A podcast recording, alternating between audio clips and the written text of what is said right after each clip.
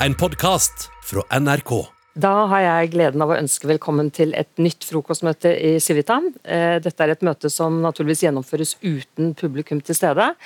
Temaet i dag det er rusreformen.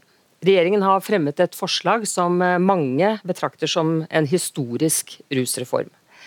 Narkotika skal fortsatt være forbudt, men bruk og besittelse av mindre mengder narkotika til egen bruk skal ikke lenger straffes. Det er det som kalles avkriminalisering. Personer som blir tatt med illegale rusmidler, skal i stedet få informasjon og, eh, om risiko, om helseskader og tilbud om helsehjelp. All annen befatning med narkotika skal fortsatt være straffbart.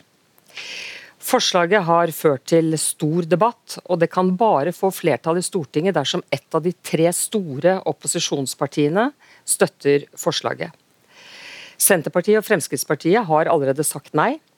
Og Dermed gjenstår Arbeiderpartiet, der det er stor uenighet, noe vi bl.a. har kunnet se og høre i mediene de siste dagene. På dette møtet skal vi forsøke å få frem hva som er de viktigste diskusjonspunktene. Hva vi kan forvente av Arbeiderpartiets landsmøte, og hva som kan skje i Stortinget etterpå. Og Vi har med oss eh, Guri Melby, som er statsråd og leder i Venstre, kanskje det partiet som har kjempet lengst for en rusreform. Tuva Moflag, som er stortingsrepresentant og medlem av eh, helsekomiteen, representerer Arbeiderpartiet. Og Sveinung Stensland, som er saksordfører for denne saken og stortingsrepresentant for Høyre. Og Med de innledende ordene så tror jeg jeg starter med deg, Guri, eh, og spør deg eh, hva denne rusreformen egentlig inneholder. Hva er poenget med den, og hvorfor er den så viktig etter din mening? Hovedpoenget med rusreformen det er å flytte hele måten vi møter rusavhengige på, fra straff til behandling. Så det betyr egentlig at vi flytter, flytter ansvaret da, for eh, de rusavhengige, hvis du skal si det sånn, fra justissektoren til helsesektoren. Og Det som er bakgrunnen for det, er jo at eh, det er egentlig jeg vil si at det er en kombinasjon av en liksom prinsipiell og en pragmatisk tilmelding. Den prinsipielle er jo at straff er et veldig inngripende virkemiddel som bare bør brukes dersom det har en god begrunnelse. Og særlig da når det gjelder handlinger som først og fremst går utover deg sjøl, og ikke nødvendigvis rammer noen andre, så mener jo vi at eh, måte bevisbyrden for hvorfor man skal ha et sånt virkemiddel, ligger egentlig på dem som vil ha det. Um, og så er det også sånn da, at Vi får stadig mer dokumentasjon som tyder på at straff heller ikke har noe effekt. Ingen positiv effekt, tvert imot kanskje i større grad negative effekter. Eh, vi vet at det gjør at en del som da eh, bruker rus, enten om de er såkalte rekreasjonsbrukere eller tungt avhengige, det at de da eh, blir på en måte putta inn i det justissporet, kanskje de blir bøtelagt, kanskje de til og med ender opp i fengsel, det er ganske uheldig eh, for en del videre handlemønster.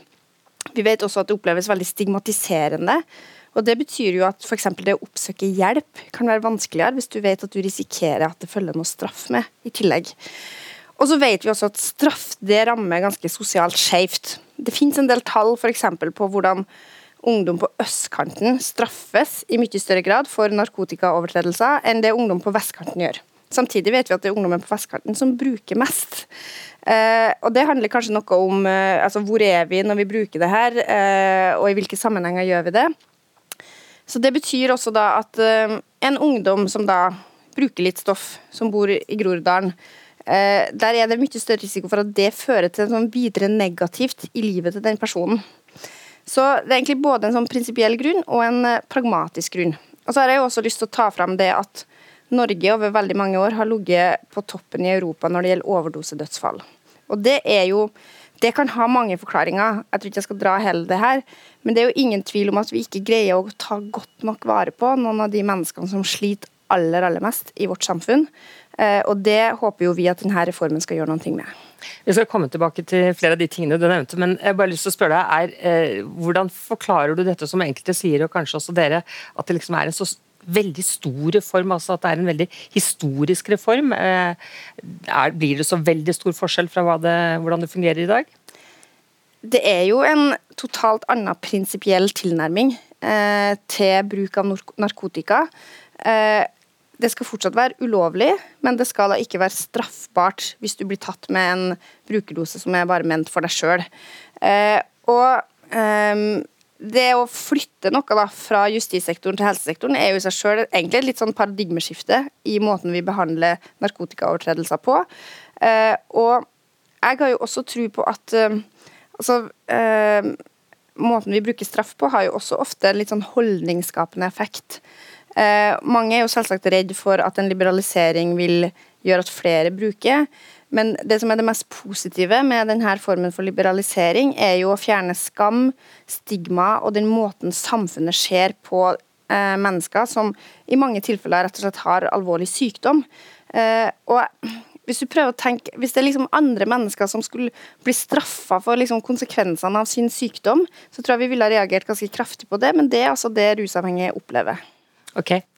Tuva, du kommer fra Arbeiderpartiet, og alle vet at der er det nå ganske stor uenighet og veldig mye debatt før landsmøtet. Så jeg har lyst til å spørre deg først litt om prosessen i eh, Arbeiderpartiet.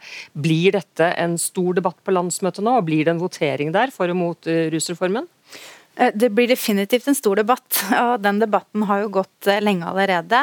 Eh, og som mange har fått med seg, så er det jo en redaksjonskomité som gjør en iherdig innsats for å nærme seg hverandre. Men de som hørte på Politisk kvarter i går, med Marte Mjøs Persen fra Bergen og Toro Sandvik fra Trøndelag, hører jo at det er en betydelig avstand mellom de som sitter og gjør det arbeidet. Så jeg veit rett og slett ikke helt ennå hvor dette ender opp. Om vi får presentert en helhetlig løsning fra redaksjonskomiteen, eller om det blir en delt eh, innstilling og en votering. Nettopp. Og bare sånn rent prosessmessig, er det da sånn at når, hvis det blir en votering, og man kommer for eller mot rusreformen, kommer da alle stortingsrepresentantene til Arbeiderpartiet å stemme i samsvar med det vedtaket? Uh, ja, ja. Det, det, vil jeg si. Ja. Vi, uh, det skal mye til at, uh, at, noen bryter ut der. Vi har veldig stor respekt for det landsmøtet kommer fram til. Og uansett så ville det være såpass mange som måtte gjøre det for mm. at det skulle føre til et flertall. Så, så, det er på en måte ikke en relevant problemstilling. Det er landsmøtet som er den viktige arenaen. Men fortell oss da litt om hva er egentlig skillene i Arbeiderpartiet? Hva er den store uenigheten dreier seg om? Eh, jeg oppfatter at den store uenigheten går på punktet om avkriminalisering. Eh, og det er jo egentlig det regjeringa har lagt fram en, eh, en reform om. Og det er en brei enighet om at man skal flytte samfunnets reaksjoner fra straff til hjelp for de tunge rusavhengige, eh, men det er betydelig større skepsis at dette skal være et allment grep, eh, og en særlig bekymring for ungdom, vil jeg si. I tillegg så er det nok også noen prinsipielle innvendinger mot en generell avkriminalisering, fordi eh, narkotikabruk ikke bare har negative konsekvenser for den enkelte, men at vi ser hvordan land er omtrent helt ødelagt pga. narkotikaindustrien. Så mange trekker også det fram som et argument, at selv om du da kanskje ikke skal straffe den enkelte, så er dette del av en kriminell kjede som har ganske store negative globale konsekvenser. Og Jeg har i hvert fall lest eller hørt at eh, de som er motstandere av rusreformen sånn som den er lagt frem av regjeringen, de tror eller mener at de har flertall i landsmøtet. Er det din vurdering også, eller? Eh, min vurdering er at dette er veldig jevnt. Ja. Mm. Vil du si hva du selv mener? Eh, jeg støtter eh, en avkriminalisering, men jeg mener at den eh, reformen som, som regjeringen har lagt fram må styrkes. Jeg skulle ønske meg at vi hadde hatt en stortingsmelding først, hvor vi på en måte diskuterte dette i en litt større bredde og kunne komme med bestillinger, litt sånn som vi gjorde i bioteknologiloven, hvor det først var en stortingsmelding og deretter en lovproposisjon. Jeg tenker at den juridiske reformen er én pilar, mens vi trenger fokus på forebygging, behandling, ettervern. Eh, jeg er også litt bekymra for eh, kommunesektoren, som i høringa var veldig tydelig på at de ikke hadde vært godt nok involvert i arbeidet. Men jeg mener at reformen må styrkes og ikke skrotes. Mm. Bra. Vi skal komme tilbake til alle disse temaene dere nevner nå. for eh, Kanskje det er der det ligger noen muligheter for å komme til en slags enighet. Men Sveinung, eh, jeg har lyst til å høre deg si litt om situasjonen i Stortinget for øvrig. Det er jo noen partier her som støtter reformen, eh, som vi ikke har nevnt. Og så vet vi at det er ett parti i regjering som kanskje ikke er så begeistret. Hva vil de gjøre i Stortinget? Og hva med ditt eget parti? Alle, står alle gi vakt bak denne reformen der? Kunne du fortelle litt? Du er saksordfører, så du må orientere deg. Ja, Når det gjelder KrF, så har de sagt at de kommer kommer stemmer for reformen. Mm. Uh, uten at de er servile, så de har jo meninger om reformen uh, for det. Uh, I eget parti så klart det er diskusjoner, og det går jo mye rundt det som Tuva drar opp nå. Altså det, og, og, I høringen så var det jo sånn at jeg vil påstå at flertallet av de som var i høringen, var over 61 tror jeg, så var til stede, var betinga for reformen. I det legger jeg at en har forbedringspunkter. Eh, og Diskusjonene går mye rundt kommunene, oppfølgingen av ungdom og, og de tingene der. Eh, men Høyre har vel aldri vært et parti der alle står i givakt. Eh, så det, det, skal det, heller, det, skal det heller ikke være. Men klart, min opplevelse er at dette er en reform som som har kommet etter ja, Venstre har jo hatt dette synet lengst, men Høyre har jo en programformulering som er ganske lik med det som nå er i ferd med å bli gjennomført.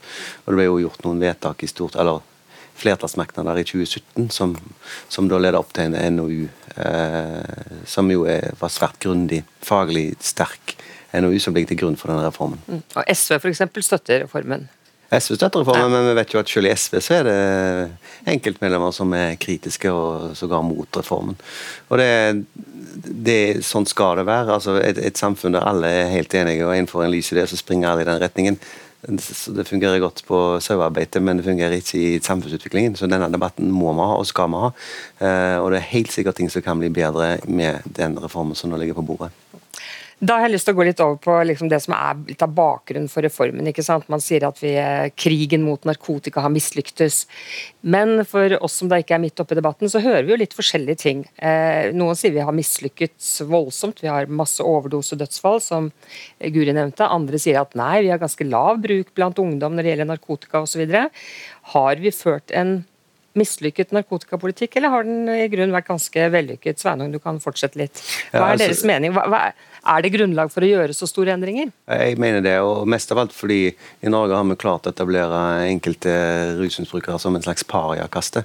Det er jo det viktigste, viktigste problemet vi har med norsk ruspolitikk, er at har du først begynt med narkotika, da er du en outlaw. Da, da er du noen andre, og det har jeg sjøl sett.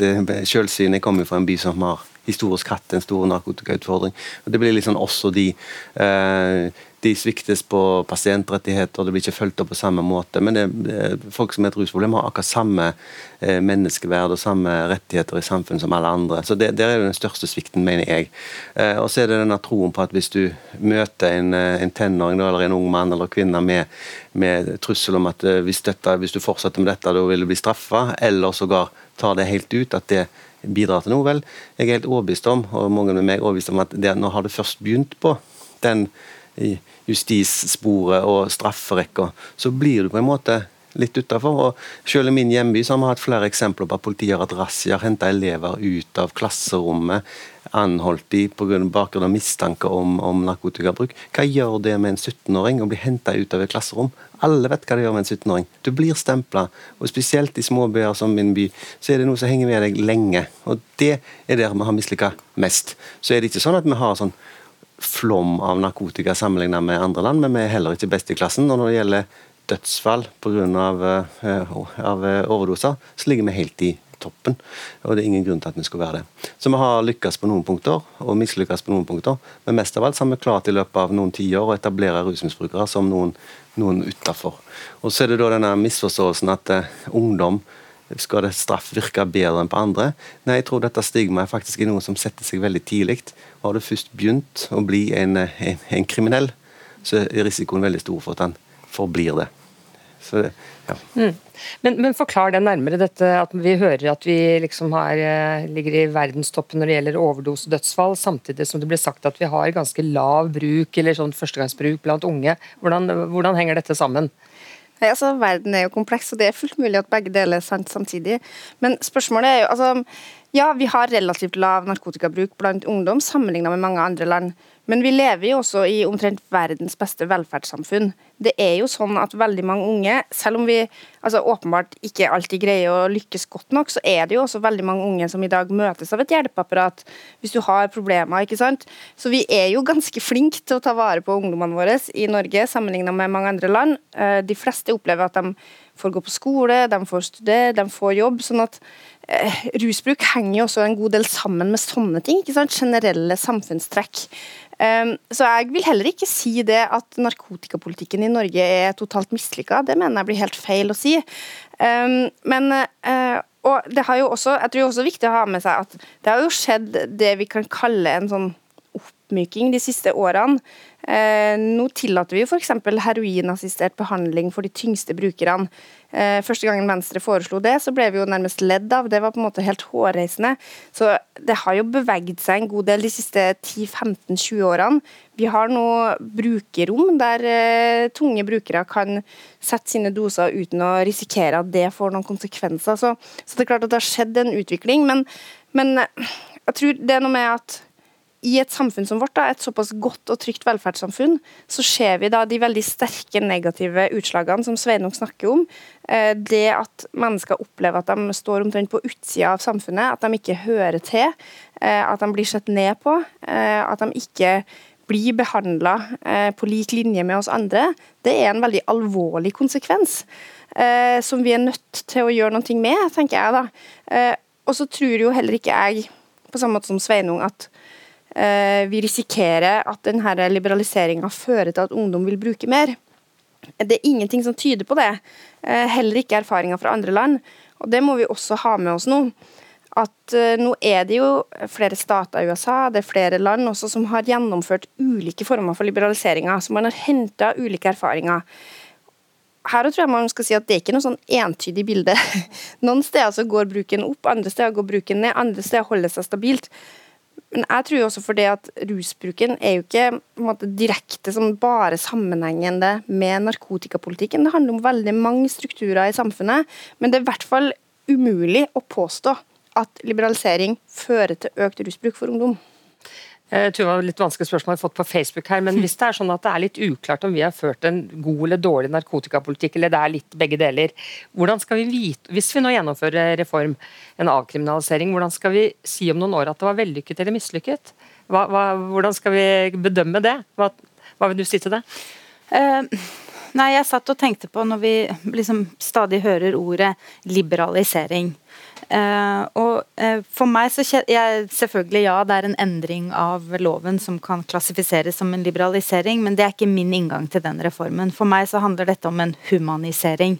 Uh, og jeg tenker at det er som det blir sagt her, at dette handler ikke hvor vellykket dette er, handler ikke utelukkende om bruken er, går bitte litt opp eller bitte litt ned. Hvor vellykket den er, handler også om menneskeverdet til de menneskene som vi gjør dette for.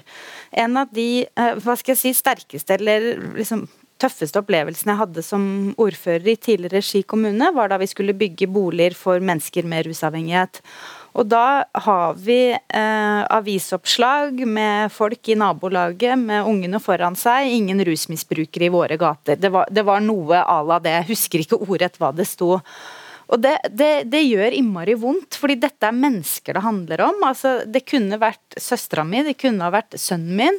Eh, og, var, og, jeg er sikker på at alle kommuner opplever den type eh, problemer da, um, og utfordringer når man skal etablere en sånn type bolig. Og til slutt så kom det et forslag om å plassere det langt ute i skogen. Og det er bare sånn Nei. Eh, altså, jo mer illustrerende på at dette er mennesker som liksom skal leve helt på siden av samfunnet, det, det får du ikke. Heldigvis var det da tverrpolitisk enighet om at det gjør vi faktisk ikke. Så jeg syns det er litt viktig at humaniseringen har en verdi i seg selv uansett. Eh, men eh, det fins ikke noe to streker under svaret her, og det syns jeg NOU-en også er Eh, er åpen og ærlig på. At man kan, kan ikke fastslå 100 hvordan dette vil påvirke rusbruken. Men at man blir mer verdsatt som menneske, at man blir inkludert i samfunnet, det har en verdi i seg sjøl uansett.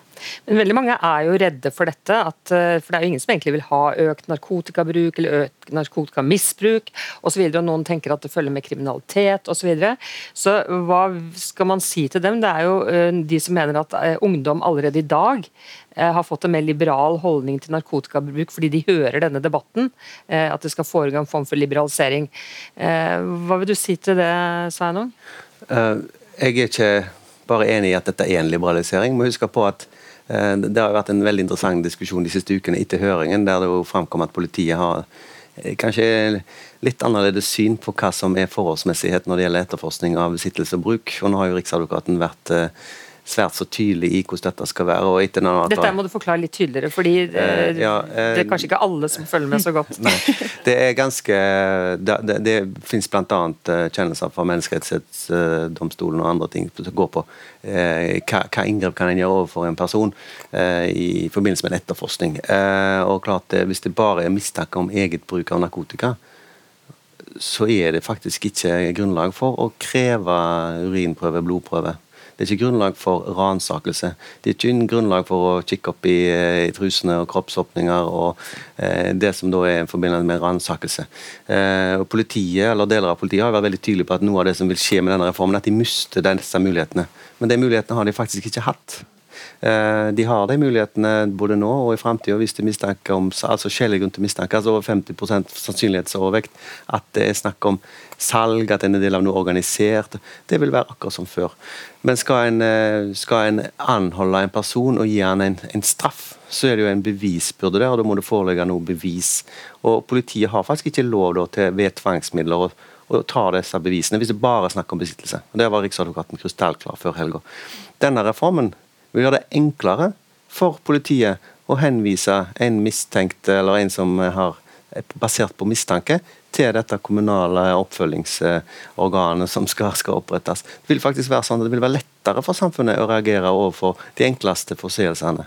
Så jeg er ikke, faktisk ikke enig i at dette er en liberalisering. Og Når det gjelder ungdommens eh, holdninger, så tror jeg mye av det handler om at det svært tidlig i denne diskusjonen, allerede før allerede før eh, NOU-en var i gang, så var det jo en del sterke motkrefter som snakket om nå blir det en legalisering. Men dette er ikke en legalisering. Det vil fortsatt være forbudt med narkotika. Det vil fortsatt ikke være akseptert fra samfunnet heller med narkotika, men det skal få en annen respons. Så, så med den, med den eh, eh, ja, oppklaringen som kom gjennom høringen og og fra Riksadvokaten, så er det helt tydelig at denne reformen vil ikke gjøre det lettere eh, blir bli forbigått i stillhet hvis en, hvis en eh, er mistenkt for besittelse og bruk. Det vil faktisk være lettere for myndighetene å gripe inn. Og Det er en viktig detalj som egentlig slår litt bein under diskusjonen. Og Så er det det andre, da, eh, til de som mistenker at det blir mer bruk. Eh, hvis du er 17 år, eh, så tror ikke jeg det er så mye hyggeligere å bli taua inn på et kommunalt kontor sammen med foreldrene dine, enn et møte med politiet. Og så har du den andre effekten. Det, er da, det snakkes mye om skråplanseffekter. Men en skråplanseffekt har du først fått en anmerkning eller straffanmerkning, så er du faktisk per definisjon en kriminell. Og har du først blitt kriminell, så har du en tendens til å forbli det. Du står jo i det der strafferegisteret. ikke sant? Eh, og Det gjør at det er lettere å gjøre samme forseelsen igjen. Så det, det, det, det, har vært litt uryddighet i den debatten. Eh, Gud, du skal få deg bedt om ordet. Mm. Ja, mm. altså... Eh, jeg tror nok årsaken til hvordan da bruk av ulike narkotiske stoffer går opp eller ned, er veldig sammensatt. Eh, og jeg tror ikke det er fordi at ungdommer sitter og følger med på den politiske debatten og ser at nå er Venstre i ferd med å få gjennomslag for vårt eh, langvarige ønske om avkriminalisering av narkotika. Det tror jeg faktisk ikke. Um, så, men jeg tror også det er viktig akkurat det poenget som Sveinung var inne på i stad. For det er en ganske viktig forskjell på det rusreformutvalget la fram, og det regjeringa la fram. For det vi la fram, så har det jo faktisk en konsekvens å bli tatt med disse relativt små dosene. Eh, og det vil jo være sånn at du da er pliktig til å møte på et møte. Eh, og hvis du ikke møter på det møtet, så kan du også bli ilagt et gebyr. Eh, og jeg tror som Sveinung at for ganske mange, både unge og også for så vidt godt voksne, så kan det oppfattes som eh, som en ganske kraftig reaksjon å bli pålagt å møte i et møte med kommunen. Eh, men samtidig så er jo vårt håp at et sånt møte kan være noe veldig mye mer konstruktivt da, enn et møte hos politiet, og at du da får se hva slags muligheter du har til å få hjelp, til å få behandling, eh, at du kan få muligheten til å snakke med noen eh, som tar deg på alvor, og som ikke på en måte dingler med noen slags sånn sanksjon i bakgrunnen. da. Men det, er, det ligger jo sanksjoner i regjeringa sin rusreform. Tuva, du har også bedt om ordet, men slenge med et spørsmål. Nå skal ikke dere svare for Jan Bøhler, men eh, ingen kan ta fra han at han har vært veldig mye i Oslo øst og Groruddalen og kjenner masse ungdommer. Og, og han har vært opptatt av disse gjengene i, i Oslo øst og i Groruddalen osv. Hvor nær de er å komme i befatning med narkotika, at dette vil gjøre det lettere. Jeg vet ikke om du har noen kommentar til det? Nei, Jeg starter med det jeg ba om ordet til Ja, sjøl først, og så får jeg se om jeg bruker tid på Jan Bøhler etterpå. Eh, Rusbruk blant ungdom har jo tradisjonelt sett vært lavere i Norge enn i andre europeiske land. Men samtidig har vi sett en betydelig endring siden 2011 og fram til nå. Så det, er, eh, det har vært liksom en knekk i den kurven. Det er flere unge som eksperimenterer med cannabis. Og det er jo ti år tilbake i tid. Det er ikke betinget av den diskusjonen som har gått de to-tre siste årene. Og det har jo skjedd med den narkotikapolitikken vi har i dag. Så jeg tenker det er også viktig bakteppe å ha med seg. Og det at når beviskravet senkes til å kunne eh, henvise noen til denne kommunale enheten, så kan det faktisk være flere ungdom som vil få en straffereaksjon tidligere i, i, sitt, i sin rusbruk. Da. Så, det, så det er positivt. Eh, Og når det kommer til eh, gjengene Oslo øst og, og Jan Bøhler, så vil jeg jo egentlig peke litt tilbake til det som Guri eh, starta med, nemlig forskjellen på øst og vest. Og hvis du kommer fra en ressurssvak familie på østkanten, får en bot som du kanskje ville ha fått hjelp til å betale hvis du bodde på vestkanten, så er kanskje løsninga di på østkanten å selge mer dop for å få råd til å betale den bota. Så jeg vet ikke nødvendigvis eh, om, eh, om de reaksjonene vi har i dag er de beste til å få de ungdommene ut av det miljøet. Tvert imot så kan det hende at de veves mer inn i det. Steinar? Og er det overveiende sannsynlig at eh, en ungdom eller en voksen eller hvem det er, er involvert i kjøp og salg av narkotika, så er det akkurat like straffa som før. Politiet har akkurat de samme virkemidlene som før. Så det er en veldig karikert debatt. Og husk at eh, det største utfallet mot rusreformen fra Senterpartiet kom før regjeringens forslag ble lagt fram, basert på NOU-en. Basert på Rusreformutvalget. Så det er i beste fall, eh, beste fall kunnskapsløst, men jeg tror nå heller det er kynisk og kaldt beregna. Men det, men det du sa sted, er at det, det argumentet mot reformen at politiet mister virkemidler, det, det gjelder ikke, fordi det har Riksadvokaten uh, Ja, Riksadvokaten har jo avlyst alle argumentene til Norsk Narkotikapolitiforening i den sammenheng, nå er ikke de her, men òg andre i debatten. I høringen ble dette sagt. I debatten med Fredrik Solheim så hørte vi en polititjeneste det var vel en, en fra Stjørdal politidistrikt som forklarte hvordan de rutinemessig gikk inn på mobiltelefoner og, og sjekka opp. Det er faktisk et inngrep i folks integritet. Jeg har selv blitt eh, mer eller mindre taua inn av politifolk i, i denne prosessen og blitt fortalt at hvis dere vedtar dette, så kan ikke vi lenger gå inn på mobiltelefonen og sjekke. Vi kan ikke lenger. Men det har de faktisk ikke hatt anledning til før heller. Når jeg har fremholdt det, så har jeg blitt latterliggjort. Så altså, det har jo vært en slags uh, rettsvillfarelse ute på politiet hva de har lov til å ikke gjøre i, i, i det, denne typen lovbrudd. Og når det gjelder da igjen, jeg kan ikke presentere sterkt nok, omsetning av narkotika er akkurat like illegalt. Er det mistanke om det, så kan en gjøre alt. Å finne narkotika, uansett mengde, så skal det beslaglegges. Det blir jo sagt at vi må gå rundt med vekt fra politiet. vi må gå rundt med vekt. Nei, Er det narkotiske stoffer, så skal det beslaglegges. Punktum. Hvis, eh, Guri, jeg skal vi gå litt videre etterpå. Du må bare- Altså, det er jo en utfordring i debatten at det er mange som mener at de har en erfaringsbasert kunnskap som tilsier at dagens system funker, at dagens system er det beste, eh, og at mange som i dag f.eks. jobber i politiet, opplever at de jobber på en sånn måte som gjør at de hjelper mange ungdommer. Og det tror jeg det er mange i politiet som faktisk gjør. Det tror jeg er liksom viktig å understreke. Og det er mange som har hatt helt greie møter med politiet eh, når de har blitt tatt for en liten dose, og som, der det ikke har på en måte blitt et stort problem. Men vi vet også at det er mange som ikke har hatt det, og det er mange som har opplevd både det stigmaet og den skammen og alt det her. Så, så nok en gang så tror jeg at vi kan ta med oss at begge virkelighetene kan være sann. Um, men den NOU-en som ble levert, da, er en veldig veldig godt kunnskapsgrunnlag, som jeg jo håper at alle kan bruke i den videre debatten. fordi at det er jo også forskjell på å ha enkelterfaringer som tilsier sånn og sånn, og hva vi kan faktisk sammenstille eh, basert på forskning, basert på erfaringer fra mange land, eh, og hva vi kan da på en måte si er faktum. Eh, og et, nok en gang, altså det her poenget da med at vi ser at unge på østkanten blir eh, straffeforfulgt i mye større grad enn unge på vestkanten, det mener jeg jo nettopp viser at for akkurat disse gjengene på østkanten i Groruddalen, det er jo kanskje dem det har aller mest å si for at vi endrer politikken. Jeg tenkte vi skulle gå litt videre på hvordan reformen eventuelt kan justeres eller forbedres, eller hvilke ord dere vil bruke, men jeg tenkte å stille ett spørsmål før det.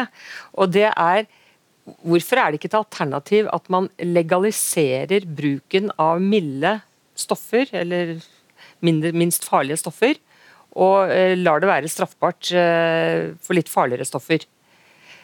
Hvorfor er ikke det et alternativ? Hvordan vil du måle farlig, da? Det, sant? For å være litt flåsete, så er det farlige Er ikke cannabis mindre det, det farlig enn eh, heroin? Jo, det kan du godt si. Det farligste rusmiddelet vi har i Norge, er vel alkohol. Så, mm. ja, og så, det kunne være en begrunnelse for det jeg ja. sier. Eh, men, men narkotikadefinisjonen er egentlig veldig enkel. Det som er narkotika, er det som står på narkotikalista. Uh, så vi har ikke noe sånn uh, altså Katt og heroin, begge deler er narkotika. Juridisk sett så er det samme. Det er ikke noe skille i lovverket på sterke og svake narkotika, sånn som legemiddelloven er skrudd sammen. Uh, så jeg jeg tror ikke det er veien å gå. Da må en på en måte gjøre om på, på en del ting. Og hva skal det, hvor skal de grensene være? Um. Ok, ja. Jeg kan bare si, altså I Venstre er jo det åpenbart en debatt som ja. vi også kommer til å få på landsmøtet. Eh, om det skal da utredes ulike former for regulering. Eh, men det som har vært aller, aller viktigst for Venstre, det er jo å sikre en politikk som gjør at vi bedrer bedre livsvilkårene for de tunge brukerne. Eh, og det mener jeg at denne reformen gjør. Eh, og Vår vurdering har jo også vært at det er på en måte her det politiske handlingsrommet nå har vært. for altså, vi, vi, kan godt uh, uh, Hvis vi skal liksom være litt sånn rause med hverandre i den politiske debatten, så opplever jeg også at det er en veldig bred enighet nå om at vi skal få til en avkriminalisering som gjelder de tyngste brukerne. Det er det jo nesten ingen som har vært imot. Og det mener jeg, altså det er et sjumilssteg i seg sjøl, at vi har kommet dit. Eh, og det gjør jo at denne reformen her da er mulig, i hvert fall hvis Arbeiderpartiets landsmøte lander på riktig side. Og Det gjør jo også at det har vært det her sporet vi har forfulgt. Jeg tok opp det med legalisering bl.a. fordi MDG på sitt landsmøte gjorde et vedtak om at noen stoffer da skulle legaliseres. Men vi, vi går videre. Ja, men jeg var litt uklar, men ja. Da må en i så fall da bestemme at de stoffene skal ut av narkotikalista. Ja, ja. Men uh, vi legger til grunn at vi har den, det forslaget vi har, og så går vi ikke videre på den veien akkurat nå. Uh, og Da vil jeg se litt på hvor er det det ligger mulighet for justering og forbedring. Da det jeg først bedre avklare, er avkriminalisering en betingelse for at man skal komme til enighet om en rusreform i Stortinget? Er, kan man tenke seg en rusreform uten avkriminalisering? Bare, det, det, er vel ikke ett tilfeldig element, det er vel selve grunnelementet i reformen. Kan dere kommentere ja, det? For vår del har jeg jo kommentert i media at det, det å forhandle på avkriminalisering, eh, da faller på en måte bånd ut av hele, hele, reformen. Det er jo liksom essensen i reformen. Er du enig i det, Tuva? Eh, ja, på en måte så er det jo de som sitter på den andre siden av bordet som må fortelle hvor den skranken går. Men min oppfatning er at eh, det å være med på avkriminalisering fra Arbeiderpartiet sin side vil være nøkkelen til å få gjennom alle disse andre tingene som vi ønsker for å forbedre reformen. Men det er jo mitt syn, og så får vi jo se hvilke forhandlingskort Arbeiderpartiet sitter igjen med da når landsmøtet er ferdig. Mm. Guri? Altså Veldig mye av de andre elementene som løftes opp i debatten, det å sikre gode behandlingstilbud f.eks., det er jo ting man kan gjøre uten denne reformen, og det må vi jo veldig gjerne diskutere. Nå har det jo også vært et løft for den sida av ruspolitikken de siste ti årene, eh, men det er klart, denne reformen handler om en avkriminalisering, eh, og det er en viktig forutsetning for mye av det andre, så jeg vil jo si at det der grensa går, ja. Men da vil jeg spørre dere om det er noen vei, kommer til å være noen vei frem for et kompromiss når det gjelder å differensiere brukergrupper. Det vi har hørt er at man skal liksom avkriminalisere for tunge rusmisbrukere, og ikke for festbrukere. Og I går da vi hørte Politisk kvarter med Tore Sandvik fra Arbeiderpartiet som er mot reformen, så hørtes det ut for meg som han delte inn i tre grupper, nemlig tunge rusmisbrukere som det skulle avkriminaliseres for, og så var det unge som skulle få påtaleunnlatelse, og så var det voksne festbrukere som skulle få straff. Eh, er, er det en mulighet å differensiere, eller bryter det så mye med prinsippet for jeg, likhet for loven, eh, at eh, de samme handlingene skal dømmes likt, så at det ikke er noen vei frem. Jeg vil gjerne høre dere resonnere litt rundt det. Ja, nå, nå er ikke jeg jurist, men for meg virker det ganske opplagt at det vil være krevende å ha et lovverk som differensierer på hvem du som har gjort lovbruddet.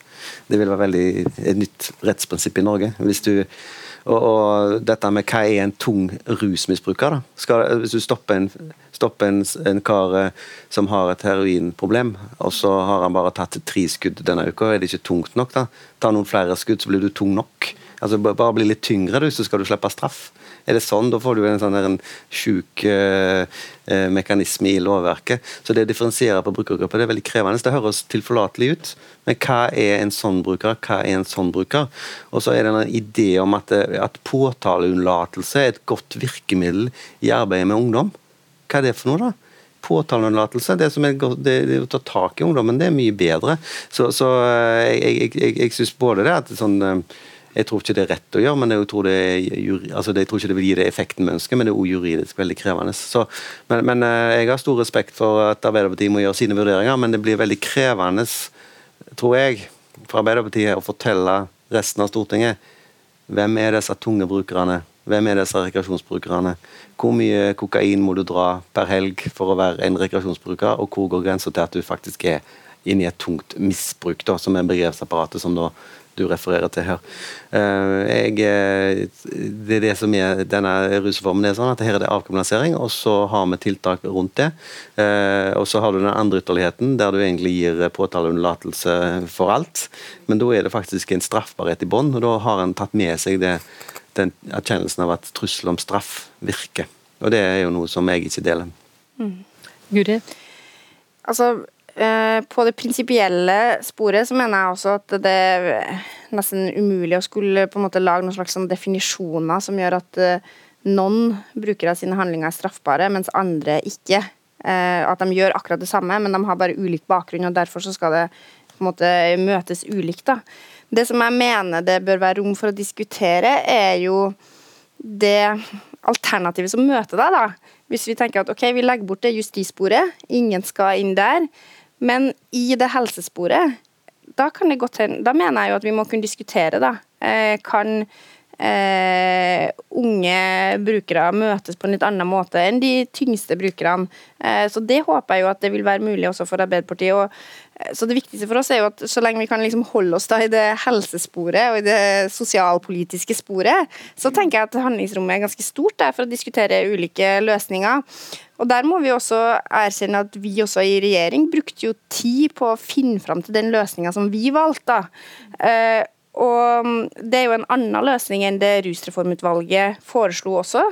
Eh, så her håper jeg jo at det vil være mulig å ha en god debatt om hva som kan være alternativene.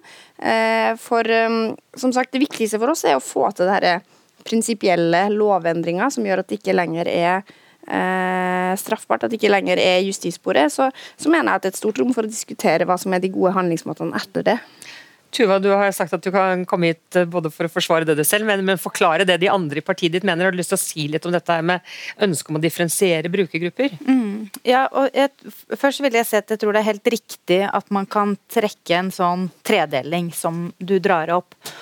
Og at bekymringen først og fremst knytter seg til de unge eh, at hvis de da skal ha eh, rammes inn på samme måte som de tunge, så er man bekymra for hva det kan gjøre med de, de unge. Uh, og Der tenker jo jeg at en differensiert helseoppfølging kan være veien å gå for det. For så kan man si at for de yngste så holder det ikke med en halvtimes samtale. Kanskje må det være et lengre løp, flere samtaler. At det kan være et sånn type spor man kan uh, forfølge. Det jeg tror er at Hvis du finner en god løsning for både de unge og de tunge, så er det vel mange som kjenner på at da sitter man igjen med en de facto liberalisering for den festgruppa. Eh, men det blir også en veldig sånn grovmaska sortering. For i den gruppa med rekreasjonsbrukere, så kan det hende at vi finner den jenta som brukte ecstasy og ble voldtatt på fest og ikke turte å gå til politiet. Så jeg tenker at det fins elementer av veldig sterke og kjipe historier i alle disse gruppene. Eh, og det er det vi må ha med oss som utgangspunkt, tenker jeg da. Var det ordet, eller? Ja, litt til, for jeg, jeg tok jo utgangspunkt i det du spurte om, så jeg virker kanskje litt kategorisk. Og selvfølgelig, eh, jeg, jeg mener at det jeg har sagt tidligere, at denne reformen kan bli bedre. Og dette er et av de punktene det kan bli bedre. Det kan styrkes eh, innsatsen mot ungdom. Og jeg deler den bekymringen som har hatt ganske så mange medlemsmøter og andre dialogrunder rundt denne reformen den siste måneden. Og klart det er noe av det som dukker opp. Så det er noe av det vi må se på. Så vi vil jo ikke avvise, det har jeg sagt til andre debatter. Vi vil ikke avvise noe som helst initiativ som går på å styrke den delen av, av reformen.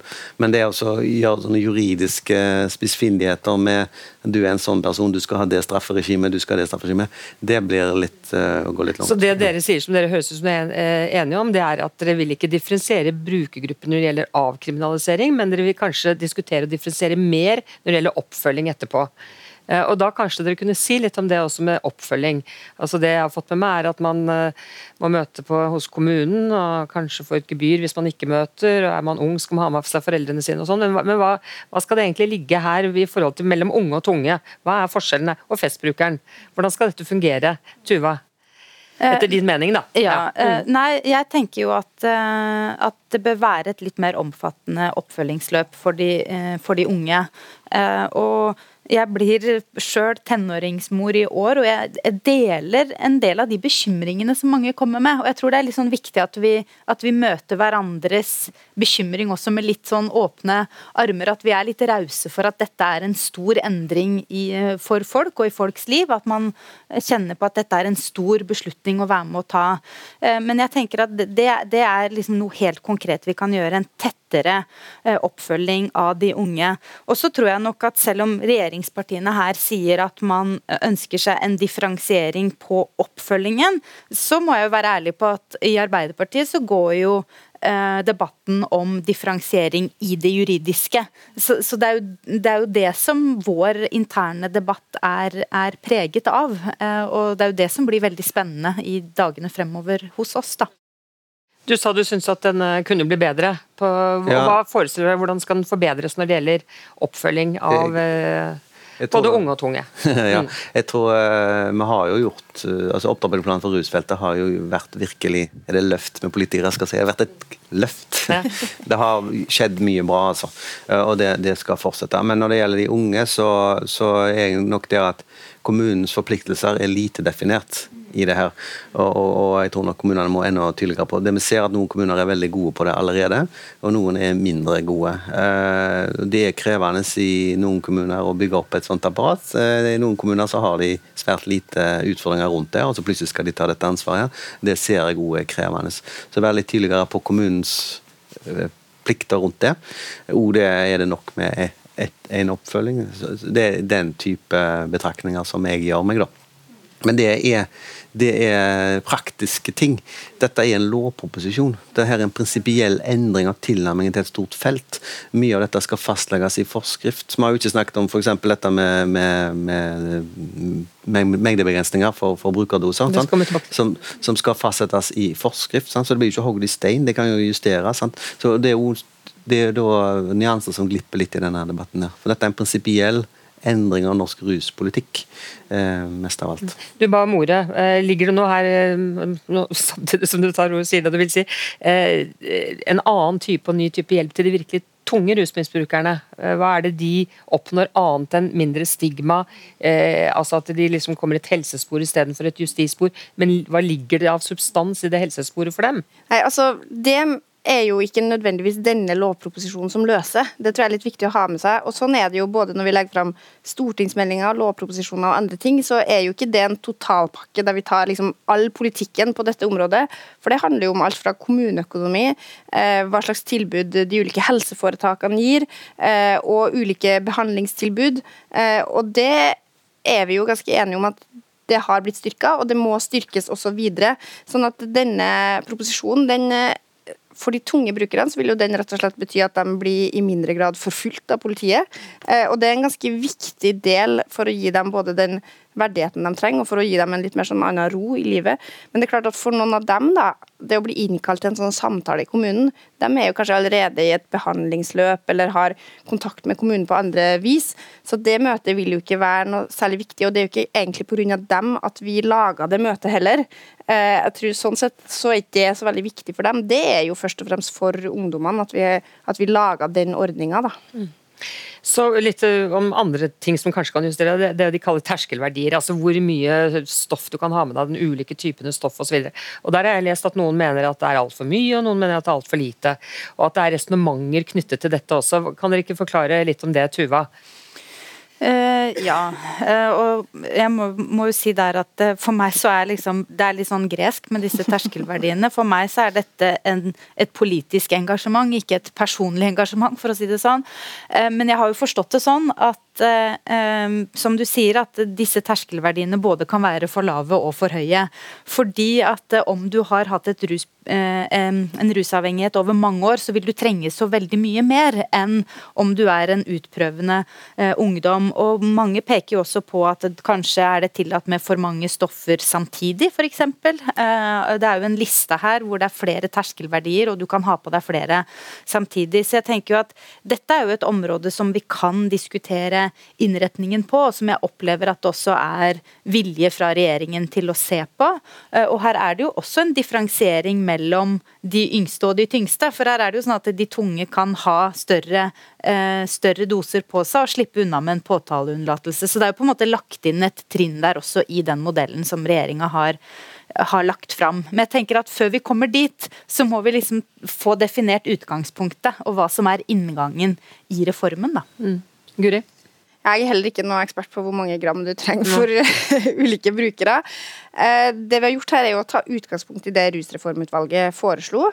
Eh, men vi har jo stort sett lagt oss litt lavere enn dem. Eh, uten dermed å påstå at vi er på en måte sikre på at det her er fasiten. For det som er utfordringa, er jo at hvis vi legger oss altfor lavt, så vil det jo være sånn at for tunge brukere så vil jo ikke denne reformen her da føre til noen ting. Mm. For dem vil jo gå med det her på seg. Eh, og det at man tillater da inntil tre stoffer samtidig, det er jo nettopp pga. de tunge brukerne som man vet kanskje da går med flere stoffer på seg samtidig. Så hvis vi setter for lavt, så vil vi da ikke hjelpe dem som vi først og fremst vil hjelpe. Men det er klart, setter vi det for høyt, eh, så risikerer vi jo at en som da har såpass mange doser at det er ment for salg, eh, slipper fri. Og det har vi jo heller ikke ønska. Så det vi i regjeringa gjorde, da, eh, som er annerledes enn eh, Rusreformutvalget, det var at vi laga på en måte to sånne grenser. En slags nedre grense, som da er straffrihet. Eh, jeg kan ikke gjengi hele tabellen, men det er jo da ulike størrelser på mengdene. Og så har du en øvre grense som da si at her bør jo da politiet bruke skjønn, og som hovedregel bruke påtaleunnlatelse. Men det er jo nettopp det her skjønnet som da kommer inn, som gjør at de kan vurdere ok, det her er en førstegangsbruker. vi synes her mener vi det bør være et straffespor, men det her er en tung bruker. Her, det her på en måte mm. legger vi litt til side. Og jeg mener at det er fornuftig å gi rom for det skjønnet, og jeg mener også at det er en viktig sånn tillit til politiet. Eh, og nettopp vise at vi også har laga en reform som differensierer, da. Eh, men ikke på det prinsipielle. Eh, alle får på en måte den samme straffriheten for de laveste mengdene. Mange vil sikkert være opptatt av at eh, det er en viss risiko for at det blir økt bruk, eller må være redde for det. Så forebygging, altså hva vil dere Vil dere forsterke innsatsen når det gjelder forebygging, rett og slett hindre at folk kommer i kontakt med narkotika eller prøver seg første gang? Sveinung? Det er jo et, løpende, et løpende det, men som jeg sa innledningsvis er dette en lovproposisjon. Så det er jo en prinsipiell sak, det her. Men det er klart at det er jo et, et løpende arbeid. Men forebyggingsarbeid vil kanskje skifte litt karakter. Eh, fordi det har nok blitt lagt vekk på igjen, Jeg fortalte innledningsvis, jeg kommer jo fra en by med, som har historisk hatt en viss narkotikabelastning. altså det var så vidt jeg vet, fire i min ungdomsskoleklasse som, som døde av overdoser. og Vi ble jo skremt om hvor farlig dette her var, men jeg så jo det at det, eh, uansett hvor mye skremt vi ble, så var det noen det ikke beit på. Eh, og så har han jo vandra langt ifra det til en litt annen, mer eh, ja, rasjonell tilnærming til informasjon. Men klart, dette er noe som vil måtte styrkes. så jeg mener jo Det kan være naturlig i forbindelse med en så stor reform. Og Spesielt når debatten har vært sånn som den har vært, så er det mer eller mindre en plikt som myndighetene må ha, eller vi må ha som myndighetspersoner og være tydelige på hva dette er, og konsekvensen av narkotikabruk, og hva det kan føre til, alle, alle ting. Samtidig så ser vi jo utviklingstrekk i samfunnet. det er jo både forbi, vi, vi, snakker om rus, men vi snakker aldri om det største rusmiddelet, alkohol. ikke sant? Vi har jo en utfordring generelt, uh, Tuva og meg som er helsepolitikere. Det, det finnes vel ingen det finnes vel ingen sykdom der ikke alkohol har en eller annen mekanisme. ikke sant? Så Det er jo et folkehelseproblem. Så jeg tror vi må ta den litt store rusdebatten som, som som jo kan være krevende uh, i alle partier. Så, så, vi kommer ikke til å stoppe det. Og, og dette er ikke et signal om at narkotika er greit. Dette er ikke et signal om at narkotika er lov. Dette er et signal om at uh, vi skal faktisk prøve å få deg ut av det på en annen måte enn det vi har prøvd til nå. Tuva? her, altså Forebygging er jo et veldig bredt perspektiv. Eh, og hele folkehelsepolitikken vår handler jo egentlig om, eh, om forebygging. Liksom den grunnforebygginga, primære forebygginga vi gjør med gode barnehager, gode skoler. Sørge for at, blir, at barn ikke blir stående utenfor SFO f.eks. Men det som jeg tror er veldig viktig her, er å styrke forebygginga liksom tettere opp mot en mulig rusdebut. Ikke sant? Det er jo der bekymringa ligger, eh, oppfatter jeg. Eh, og det kan være utekontakter, det kan være skolehelsetjenesten. Altså ungdom i risikogruppa. Fange opp dem tidlig, identifisere dem, få dem inn i et hjelpespor. Og det er jo der vi må på en måte trøkke til med et løft på forebygginga. For vi Altså, Vi gjør jo innmari mye bra i Norge. Vi har gode barnehager, vi har gode skoler. Eh, men det er å sørge for at alle blir inkludert i de arenaene er kjempeviktig. Og så styrke da den forebygginga på, på risikoutsatt eh, ungdom. Guri, vi har fått et spørsmål til på Facebook eller Twitter som dreier seg om uh, hvilke planer regjeringen har for å følge opp og evaluere denne reformen hvis den passerer Stortinget. Altså, Vi er jo veldig åpne på at f.eks. når det gjelder med terskelverdier, da, så er det ikke sånn at vi er helt sånn bombesikre på at vi har funnet en fasit. Det er jo noe som må evalueres. Eh, nå tror jeg vi har satt eh, hvor lang tid det skal ta, og at man vurderer det på nytt, om de skal justeres. Så det er jo en rekke sånne ting i denne reformen som vi er helt åpne for at det er nødt til å evalueres og justeres. Eh, og det er klart vi har ikke satt noe sånn eget punkt at vi skal sjekke liksom, eh, hvor mange overdoser har vi etter fem år, og så skal vi da flytte det tilbake til justissporet. Den type evaluering har vi ikke lagt opp til. Det tenker jeg jo vil være en del av den liksom generelle politiske debatten. Eh, det som jeg tror, da, er jo at Eh, hvis denne reformen skulle føre til noen negative endringer, noen negative utviklinger vi ser, hvis, det, hvis vi ser at i etterkant av det her så øker rusbruk blant ungdom, så er vi jo nødt til å ta tak i det. Men jeg er fortsatt ganske sikker på at det ikke da er å føre det tilbake til straffesporet som er svaret. Da er det jo å styrke det forebyggende arbeidet, styrke alle de andre elementene. Fordi at eh, jeg, jeg mener fortsatt at det er så tydelig argumentert for de veldig negative effektene av å følge straffesporet. At den håper jeg vi på en måte tilbakelegger oss som en sånn historisk greie som vi aldri skal vende tilbake til. Men er det noen land som har gjennomført en avkriminalisering hvor ting har kommet ut av kontroll? Vi har vel egentlig ikke noen gode eksempler på det. Og Det er klart at det, de, det landet vi har basert oss mest på når vi har laga denne reformen, er jo Portugal. Eh, det vel over ti år siden de innførte en lignende reform. Eh, og har sett oppnådd positive resultater knytta til det. Så det er jo ingen grunn til å tro at denne reformen skal, skal gjøre at vi får en sånn total endring. Da begynner vi å nærme oss slutten. Dere skal få et lite minutt hver til å si det dere vil. Om det skal være en appell til Arbeiderpartiets landsmøte eller hva det skal være, så det velger dere selv. Men eh, jeg starter med deg, Sveinung, og så Tuva og Guri til slutt. Nei, jeg har, jeg, jeg har, som jeg sa tidligere, stor respekt for det som Arbeiderpartiet jeg bruker begrepet story nå, for det aldri, det er aldri hyggelig når en ikke klarer å bli enige om gode kompromisser, sånn som det fremstilles i VG. og sånn, men, men, klart, eh, nå er, nå er det en gang sånn at hvis Arbeiderpartiet skroter denne reformen, så, så, så, tror jeg det blir vanskelig å få til en reform i Stortinget. Så jeg håper jo selvfølgelig på det. Men, men si litt om det, Hvis det ikke, ikke, blir noe nå, hva skjer da? Blir det en ny debatt i neste stortingsperiode, eller hva er det som kommer til å skje da? Jeg vil ikke spekulere i det, men er det ikke flertall for reformen, så, så blir den ikke vedtatt. Så enkelt er det, og da er det jo opp til det neste Stortinget å jobbe videre med det. Men, men eh, i alle fall, så uansett så har denne diskusjonen eh, den vi har i dag, og den vi har hatt siden dette ble lagt fram, har uansett vært et løft for rusfeltet.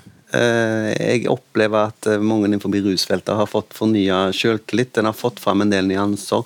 Diskusjonen rundt politiets rolle oppi det her har vært viktig. Så uansett så har det ikke vært uh, bortkasta. Men jeg er fortsatt optimist, og jeg har ennå aldri fått til noe uten å prøve. Så her skal vi prøve å lande noen gode løsninger.